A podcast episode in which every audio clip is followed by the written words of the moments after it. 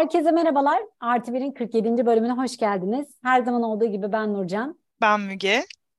Ben Deniz. Bugün birazcık mükemmeliyetçilikten bahsetmek istiyoruz. Ee, çağımızın vebalarından biri diyebilir miyiz bilmiyorum. Ee, siz de bana katılır mısınız? Sanki öyle gibi geliyor.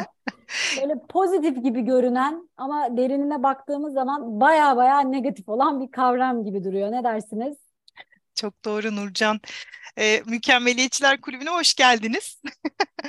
e, bölümümüzü böyle açabiliriz sanıyorum. Burada üç tane mükemmeliyetçi olduğunu ve bu durumdan da muzdarip olduğunu düşünen insan olarak bu bölümü çekiyoruz.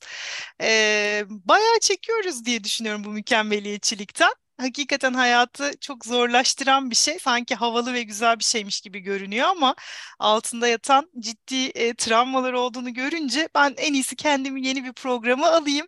Bu mükemmeliyetçilikten maksimum nasıl arınabilirim diye e, düşünmeye başladım. Adım adım ilerliyorum bakalım diyorum. Sen ne diyorsun Deniz? Kesinlikle bunu e, iyi zannedenler kulübünde olup e, uzun süre herkes böyleydi sanırım. İş görüşmelerinde dahi işte kendinizde geliştirmeniz gereken özelliği mükemmeliyetçiliğimden işte kurtulmaya çalışıyorum. İşte bunun bana zararlarını yaşıyorum, kurtulamıyorum şeklinde cevap verenler e, silsilesinde yer almışlığım var. E, insanlar da bu huyunu özellikle çalışan insanlar bu arada güzelmiş gibi çünkü onların hayatını oldukça kolaylaştıran bir şey olduğu için insanın kendisine yaptığı bir eziyet en başta her şeyin en iyisini yapacağım deyip e, aslında birçok şeye bu arada giremiyor bile. E, kendini dövüyor. Başkalarına gösterdiği işte yani kendimde yaşadıklarımı söylüyorum bu arada. Başkalarına çok böyle şefkatli yaklaşabilirken kendisinin yaptığı hatada ben bunu yapabil nasıl yapabilirim şeylerini e, yaşadıktan sonra bir süre sonra bu kendini geliştirme yolculuğunda aydınlanmaya başladı. Çok da iyi bir şey değil diye. E, benim mesela bununla ilgili olarak bu kendini sürekli geliştirmek isteyenlerin aslında altında yatanın hiçbir zaman tam değilim e, mükemmellik e, mükemmelliyetçilikten olduğunu gördüğümde kendimden mesela ben şüpheye düşmüştüm. Yani nasıl yani aslında bu kadar geliştirmemem mi gerekiyor? Beni en çok vuran mesela şeyi keşiflerim, keşiflerimden biri buydu. E, çok güzel aslında bir şey söyleniyor. Tamamen bundan vazgeçmek değil Sadece öz değerinizi eğer yaptıklarınızın en iyisi olmasına yani en çok kendimi ben geliştiririm işte en iyi ben geliştiririm kendim gelişimden bahsediyorum tamamıyla veya yaptığım şeylerde tamamen burada kendine verdiğin değer ya da insanların sana verdiği değeri buradan ölçülmüyorsa burada aslında esas sıkıntı başlıyor dediklerini ben biraz rahatladım. Bunu yapmadığımdan değil. Yapıyorum ama en azından tamamen vazgeçmek zorunda değilim. Ben de rahatladım deyince hani. o da olacak, o da olacak. Bu arada ben de şaşkınım. Müge şimdi e, Mükemmeliyetçiler Kulübü dedi. E, beni de aldı ama programdan önce kendi aramızda konuşurken beni direkt itelemiştiniz grupta. Sen böyle değilsin diye. E, o yüzden de şaşkınım yani. Ben öyle miyim değil miyim? Aslında şimdi o podcast'i ortamlarda satılacak bilginin bölümünü dinledikten sonra hepimiz de bir etkilendik oradan. Çok da güzel anlatmıştı e, mükemmeliyetçilik bölümünde. E, evet orada dinleyince aslında çok fazla e, mükemmeliyetçi insan tanımına e, uyan kavramlar var ve ben de evet hepsi yok ama e, hepsinin olması da çok zor bir ihtimal diye düşünüyorum. Hepsi ne dememiş ama. Kaçtı? Evet, e, aynen. Ben de onu diyecektim. Şimdi ortamlarda satılacak bilgi mükemmeliyetçi misin bölümünde diyor ki biz beni dinlerken bu kriterleri de diyor kendinize baz alırken minimum yüzde kırkı taşıyor olmanız lazım bir mükemmeliyetçi e, olmanız için. E, Valla ben benim gerçekten gözlerim yuvalarından çıktı. Ben yani yüzde 90 ile 95 arasında taşıyorum e, o bölümde saydığı şeyleri. Bayrağı taşıyorum. Bayrağı taşıyorum. En önde taşıyorum. Ya bu beni çok rahatsız etti. Belki de diyorum hani hayatımda şu an e, yaşım itibariyle sorguladığım konuların temelinde yatan kendi kendime yaptığım bu eziyet belki de. E, işte çocukluktan gelen travmalar ve bu travmalar neticesinde işte ertelediğin konular veya hiç yapmadığın konular, e, belki hayattaki korkuların, bunların hepsinin e, şöyle bir araştırınca, bu konunun içine biraz girince e, mükemmeliyetçi olmana ne kadar bağlı olduğunu görüyorsun ve bu insanı üzüyor. Çünkü aslında hayatın değeri yaşadığın benim açımdan deneyimler diye düşünüyorum. Bu farklı deneyimler çok kıymetli ve insanı geliştiren şeyler. Beni biliyorsunuz hani bir hafta sonunda beş programım olmazsa e, rahat edemeyen bir insanım. Hem insanlarla sosyalleşmekten hem de farklı deneyimler kazanmaktan ama yeni yollara sapmak da çok önemli. İşte burada korktuğum noktalar olduğunu görüyorum ya da işte piyanoya başlamam gibi hani başlıyorum şimdi bunu mükemmel yapamayacağım hani en iyi şekilde çalamayacağım. Ben bunu en iyi ne zaman çalabilirim? Vaktim olunca gibi. E vaktin hiçbir zaman olmuyor. Spora mesela işte yeterli vakit ayıramıyorum başlamayayım işte olmadı bir türlü programa sokamıyorum gibi. Bunların hepsi en iyi yapma kaygısı vesaire mükemmeliyetçiliğe dayandığını yüzüme böyle program tokat gibi çarptı diyorum yani bütün burada size açıklığıyla paylaşıyorum kendi durumumu. Aslında Ger zaten hani... pardon hocam. Yok yok sen söyle. Aslında e, yani herkesin zaten travmaları var. Travmasız insan diye bir şey yok. E, burada belki de daha travmalı görünmeyen iyi çocuk dediklerimizde daha çok bu görülmesinin nedeni genelde aileye bağlıyor. Her şey zaten hani çocukluktan çıkıyor ya. Ya e, ağır eleştiri aldı. Bu da kendini zaten eleştiren, kendini döven tipler yaratıyor. E, ya da görülebilmek için iyi olması gerekiyordu. Bazı çocuklar mesela haşarı olarak görülür. Bazıları ise eğer uslu olmazsan seni sevmem şeyiyle en iyi yaparsam beni görürler. Okulumda başarılı olursam beni görürler. Ki bence öğretmen çocuklarının çoğunda bu var. Öğretmen çocukları ışık dibine, e, ışık e, mum dibine ışık vermez e, şeyiyle çocuklarının en iyisi olması. Yakından tanıyorsun herhalde öğretmen çocuklarını. Biraz. Bence hepsinde bir öyle bir şey var. Ee, bir de mesela beni yine şaşırtan öğrendiğim şeylerde zamanından yani olması gereken yaştan daha önce olgunlaşmak zorunda kalan çocuklarda bu misyon yüklenen çocuklarda da aslında bu oluyor. Ee, bir de e, yine programdan önce sana söylediğim şey onu da açık edelim. Aslında kararsız insanların da bir nevi o noktada olduğu görülüyor. Yani belki sürekli olarak diğer noktaları gerçekleştirmiyor olabilenler bile aşırı kararsız olduğunu, kararsızlığın altında bile bundan kaynaklanıyor. Yani bir şeye ben karar... Kadar hep burcumu suçluyordum bu kararsızlıktan. Diyordum ki terazi burcuyum, terazi kararsız. Ben de çok kararsızım. Yani bulmuştum yani suçluyu. Ama şimdi bunları okuyunca tanımı falan evet e, yani e, kararsızlık da maalesef biraz bundan. Evet benimki de ondan. Onu düşünüp e, yüzde yüz buna hak verdim.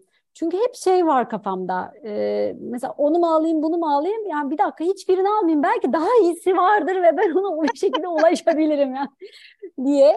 Ya aldığım, yaptığım bir şey de mesela öyle oluyor yani. Almasaydım bak daha iyisi de çıkardı. Hep böyle bir bir kıyas var kafamda.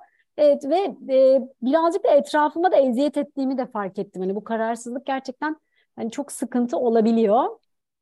E, yani o o kriter evet bende uyuyor. Şu etrafa eziyet dedin, bana hançeri indirdin. Sana öyle söyleyeyim. Gerçekten o bölümü dinlerken mesela beni en çok üzen taraflardan biri oydu. Yani kendi dolabını sürekli çok düzenli tutmak. işte hani bu kendinle alakalı bir şey ama evi çok düzenli tutma noktasında insanları da bir baskı altında tutmak ve herkesi bir düzene sokmak, askeri düzende yaşamalarını sağlamaya çalışmak e, bu onlara yaptığın eziyete dönüşüyor. Veya işte e, çocuğunla ilgili notlarının işte minimum 85 olacak e, derslerde demen gibi hani ben burada yine kendimden güzel güzelse minik minik örnekler e, senin işte potansiyelin çok yüksek şöyle yapacağım böyle edeceğim gibi motivasyonların altında yatan hep senin o mükemmeliyetçiliğin. Yani e, neden Hani bunun nedeni çok önemli tabii. Sen kendi kendine dön dönüp kendi kendine dönüp bu nedeni araştırdığında, mükemmeliyetçiliğin altında yatanları araştırdığında birçok sebeple karşılaşıyorsun ve böyle böyle de arınmaya başlıyorsun aslında ve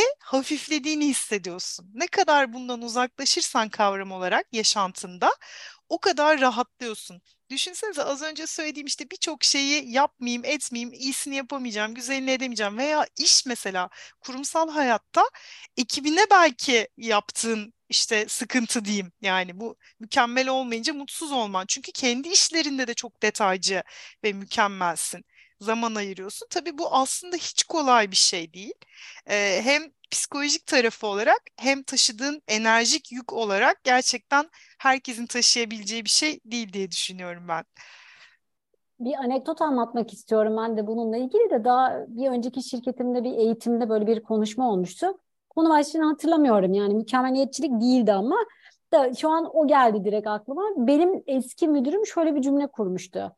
İşte bütün hani ekip yöneten insanlar zaten hani ekibine bir işi verdikten sonra arka planda yapar yani hani o işi de. Çünkü o yapamazsa diye hazırda muhakkak bir e, B planı olsun diye yapar. Bunu hepimiz yaparız zaten. Böyle herkese döndü ve öyle dedi. Yani hepimiz zaten yapıyoruz bunu. Şimdi herkes o kadar tuhaf baktı ki nasıl yani?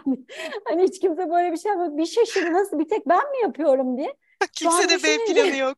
hani kimse de öyle bir B planı yok. Herkes ekibine veriyor. Onun yapacağına güveniyor bir şekilde devam ediyor. Orada hata da yapabilir. O düzeltilebilir bir şey. Neticede kontrol ediyorsun ama arkada sen ona yap dediğin bir işi yapar mısın bir daha? Yapan varmış ve çok da şaşırdı yani yapılmadan önce. Bence bu insan mesela mükemmeliyetçilikte bir örnek olabilir. Geçen gün e, bir, sen söyle Deniz. Tam o söyleyeceğim şeyin örneğini aslında çok güzel vermiş oldum Nurcan da e, o şeyde kişilik tiplerinde mükemmeliyetçiler için aslında şey söylüyor kendi ideallerine o kadar bağlılar ki diğer insanların böyle olmadığı onların aklına gelmiyor ve o yüzden evet. aşırı yargılayıcı da oluyorlar. Bunu söyleyecekti çok güzel söyledi. Yani onun için herkes böyle. Evet, ya ben de aynı şeyi söyleyecektim. Geçen gün çok önemli bir şirkette çok önemli pozisyonu olan bir arkadaşım yani çok basit işleri dahi delege ettikten sonra aslında emanet edemediğini fark ettiğini söyledi. Aynı durum bende de var. Evet delege ediyorsun ama bir türlü onu tamamen yani onun hatasıyla, günahıyla, sevabıyla bırakamıyorsun. E, ne oluyor bu sefer? Aslında konsantre olacağın işler veya hayatta da böyle konular yerine birçok detayla aslında uğraşıyorsun. Bu sefer ne oluyor? Çok yoruldum diyorsun. İşte gereksiz şunu yaptım hayatta diyorsun. Bunu ettim. Bu sefer kendini sorguluyorsun. Ama mükemmeliyetçiliğin en güzel tarafı şu. Kendimi sorgulamamı sağladı. ee, belki hiç durup düşünmeyecektim. Hatalarım, kendimde geliştirmek istediğim noktalar. Ee, bir yorgunluk yarattı bende zihinsel e, bedensel olarak çok yorulmuyorum çok şükür ama zihinsel olarak bir yorgunluk yaşıyorum ve bunun temeline inmek şu an bana çok iyi geliyor ve herkesin bunu sorgulaması Nurcan da açılışta söyledi çok güzel söyledi zamanımızın e, hastalığı gibi bir şey. Özellikle iş hayatı da insanı ve İstanbul gibi bir metropolde yaşamak, bir aile sahibi olmak, sorumluluklarının maksimum olması seni hiçbir şeye atlamayayım telaşıyla bu mükemmeliyetçiliğe doğru her geçen gün daha da itiyor. Ve bir yerde şey diyorsun, e tamam. bu kadarmış yani. Şimdi ne yapabilirim biraz daha hayat için diye düşünüyorsun. Orası hoşuma gitti benim mükemmeliyetçilerdeki görülen özellik de aslında kronik kızgınlık, hınç duygusunun genel olarak fazla olduğu e, ama yine mükemmel bir insan olarak bunu çok güzel bir şekilde gizledikleri yönünde. E, işte söylediğimiz o iyi insan, doğru işte örnek insan şeyine girmek için ama bu sefer kendilerinde aslında birçok hastalığı e, ortaya çıkmasına sebep oluyorlar. E, benim de mesela kendi hayatımla ilgili bu şeyde radyo programının sonunda şeyle bitiriyordu ya Oğuz Atay'ın e, tutunamayanlarda geçen. Evet, e, çok güzel bir sözle bitiriyor. Evet, en sonundaki kötü yaşarım korkusuyla hiç yaşamadım. Hani o da bana böyle e, vuran bir şey oldu. E, gerçekten aslında iyisi olmaz deyip vazgeçtiğim çok şey olduğunu gördüm. Bu insan ilişkilerinde bile sorunlara sebep oluyor. Bu da aslında e, belki de benim dönüşümümde evet çok vazgeçiyorum, e, yapmıyorum deme ve kendimi hayatın dışında hissetme duygusuyla belki bende de bir şeyler dönüştü bilmiyorum. Ama şöyle bir şey paylaşmak istiyorum sizinle. Ee, yine buradan takdir alma duygusu mu olacak gerçekten kendimde onun da ikilemine düştüm ama bugün bu şeyle ilgili olarak kendimde e, bir şey yaptım. E, detaylara girmeyeceğim ve ondan sonra sen bunu nasıl yapabilirsin Deniz oldu. Ve burada kendini dövme aşaması normalde geliyor ve o duyguya kapılıp gününü böyle bitirebiliyorsun aşamalarını yaşıyordu. Ama bugün dedim ki sen de insansın Deniz. Olur. Tamam dersini alır geçersin dedim. Sonra kendimi tebrik ettim. Alkışlar sana buradan. Evet Deniz.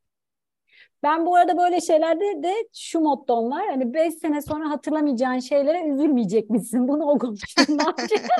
Genelde böyle bakıyorum değerlendirirken. Böyle bir şey oluyor. Ben diyorum ki bakıyorum bunu ben 5 sene sonra hatırlamıyorum. Yok ya hayatta hatırlamıyorum. Hele bu unutkanlıkla mümkün. Yani 5 ay sonra bir soru işareti. Ya cümle alem hatırlayabilir ama biz hatırlamıyorsak soruyu.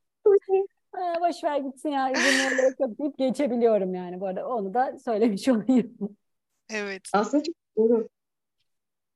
Yani insanlar ne dediğini şu anda da önemsemememiz gerekiyor. Beş yıl sonrasında O da var değil mi mükemmeliyetçilerde? Yani ki insanlar ne der, şu el alem ne der olayı var ya. Yani. İşte, çocuk oradan çıkıyor ya çünkü iyi olması gerekiyor. Evet evet bence yani, de var evet, yani. İşte önce ana babasından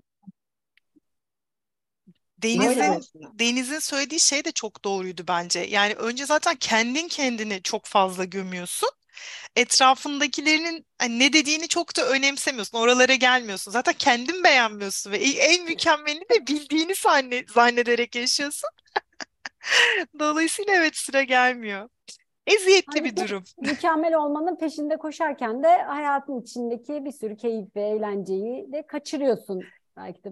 Ya kesinlikle öyle. Bir kere e, dünyaca ünlü hani hem zenginleri olabilir hem de işinde hayatta fark yaratmış insanlara şöyle bir baktığımızda hepsinin biyografisi aynı şeyi anlatıyor. Diyor ki defalarca hata yaptım. Defalarca düştüm e, ve farklı konularda, farklı deneyimlerde hata yaptım. İşte o muhteşem nöronlar bir yerde birleşiyor ve senin belki hayat amacını bulmana, belki mükemmel bir şey, proje olabilir, e, para getirecek bir konu olabilir veya duygusal bir konu olabilir, çözüm bulmana yol açan bir şeye dönüşüyor. Ama sen hiç düşmeden yaşamaya çalışan bir insansan yerinde sayıyorsun. Yani bunu kabul etmek lazım.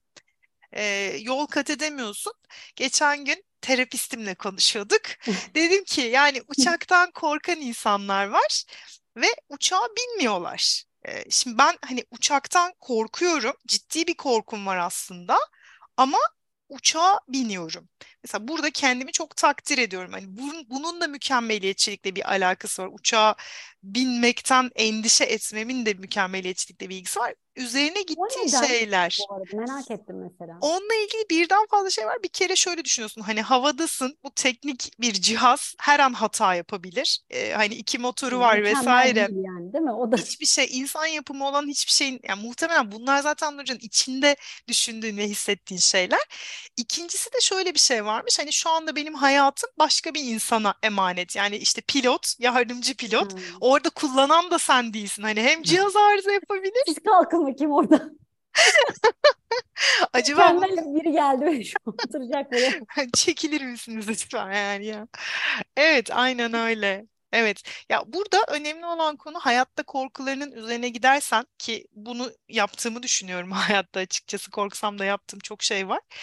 O zaman bir şeyleri dönüştürebiliyorsun. Öbür türlü zaten konfor alanında kalıyorsun ve hiç onun dışına çıkamıyorsun. Bana da şey gibi geliyor. Yani hep aynı hayatı tekrar tekrar yaşıyorsun. Hiç farklı bir şey olmuyor. Hiçbir heyecan da olmuyor. Onun dışına çıkmadan yani mükemmel olsun olmasın hep bir yeniliklere açık olmak lazım. Yeni şeyler deneyimlemek lazım. Evet hepimiz insanız. Hata da yapabiliriz. Yanlış olursa bir daha yapılır diye düşünebiliriz gibi geliyor. Bir yer, evet bir yerden bir yere giderken yolu bile değiştirin diyorlar ya hani o bile biliyorsunuz zihinde fark yaratan bir şey. Aynı yoldan gitmeyin her zaman diye.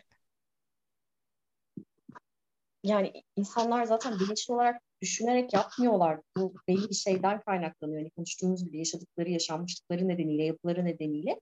Ama ben biraz da şeyi de e, düşünüyorum işte çağımızın hastalığı olmasının nedeni bir kesim tarafından da pompalanıyor. Sanki bu gerçekten iyi bir şeymiş. Yani son zamanları söylemiyorum ama geçtiğimiz dönemlerde gerçek anlamda ee, özellikle iş dünyasında çünkü diğer insanların hayatını kolaylaştırıyorsun. Çünkü delege edip ona güvenmediğin için, sen yaptığın için, dur sen yapamazsın, ben yapayım devreye girdiğin için işte e, aslın tarafından daha rahatlatıcı olarak alınıyorsun. E, üstüne gidecek olan işi en mükemmel bir şekilde verdiğin için, hiç ona bir şey bırakmadığın için onun için büyük bir rahatlık oluyor ve hata yaparsan eğer kimseye bırakmadan en alasından kendini kendin gömüp kimseye şey bunda da bırakmadığın için en minimumda tuttuğun için insanlar bunu bayağı bir pompaladılar özellikle iş yaşamında veya aileler de çocuklarına işte iyi çocuk olursan seni severim, başarılı, istediklerini, kendine yapamadıklarını çocuklarına yaptırabilmek amacıyla. Böyle böyle sanki iyi bir şeymiş gibi de algılanıp bayağı böyle bir revaçta olan bir şeydi. Sonra çok şükür ki anlaşıldı. Aslında hiç de yani ne kendine ne başkasına. Çünkü onların da gelişimi için engel koyuyorsun. Evet benim üzerimden geçiniyorsunuz. Evet kendinize yapacağınız bir şey yok. Yani mesela ben ilk ya ben de Hazistan'ın evet hata yaptım yapabilirim çıkışı yaptığında çevrem tarafında şeydim böyle. Sen bunu nasıl dersin? Olmuştu. Çünkü ya. çok rahat dediğiniz böyle işte falan ya özür dilerim. Ya mesela bu da çok özür dileyen insanlarda da aslında böyleymiş. Evet evet doğru. Hep böyle işte hata yapmaktan korkan falan insanlar gibi değil mi? O yüzden sürekli söylüyor bir bölümümüzde daha da konuşmuştuk bölüm bölümün şu an e, şey kaç olduğunu hatırlayamadım ama şu anda içerisinde bulunduğumuz çağda Deniz'in de söylediği gibi hani her şeyin mükemmel olması bir yandan da bekleniyor, pompalanıyor. E, kadınların da iş hayatına girmesiyle birlikte ne kadar işinin zorlaştığını konuşmuştuk hatırlarsınız. Daha bu döngünün tam oturmadığını ve bizim bir aslında geçiş nesli olduğumuz yani kadın hem evdeki sorumluluklarını, evdeki hayatını mükemmel devam ettirmek zorunda hem de iş hayatını hayatının kadını devam ettirmesi ve yönetici olarak bir yerlere getirmesi için orada da erkekten hiçbir eksiği olmadığını sürekli ortaya koymak zorunda. İzin kullanmamak olabilir, işte belli periyodik dönemlerinde ağrısı da olsa çalışmak zorunda olabilir vesaire. Çünkü erkekle e, mutlaka kıyaslanacağı anlar gelecektir. Dolayısıyla bizim işimiz hep çarpı iki zor gibi geliyor bana yine hani cinsiyet açısından da baktığımızda. Kesinlikle katılıyorum. Kadınların evet her alanda böyle. Evet, evet. Yani e, en önemlisi belki de biraz burada e, kendimiz dönüştürürken çocuklara da ben hani kendime yaptığım eziyeti kendi çocuğuma da yapmamak, yeni nesillere de hani hepimiz için söylüyorum. Onların hayatları aslında bize hiç benzemiyor.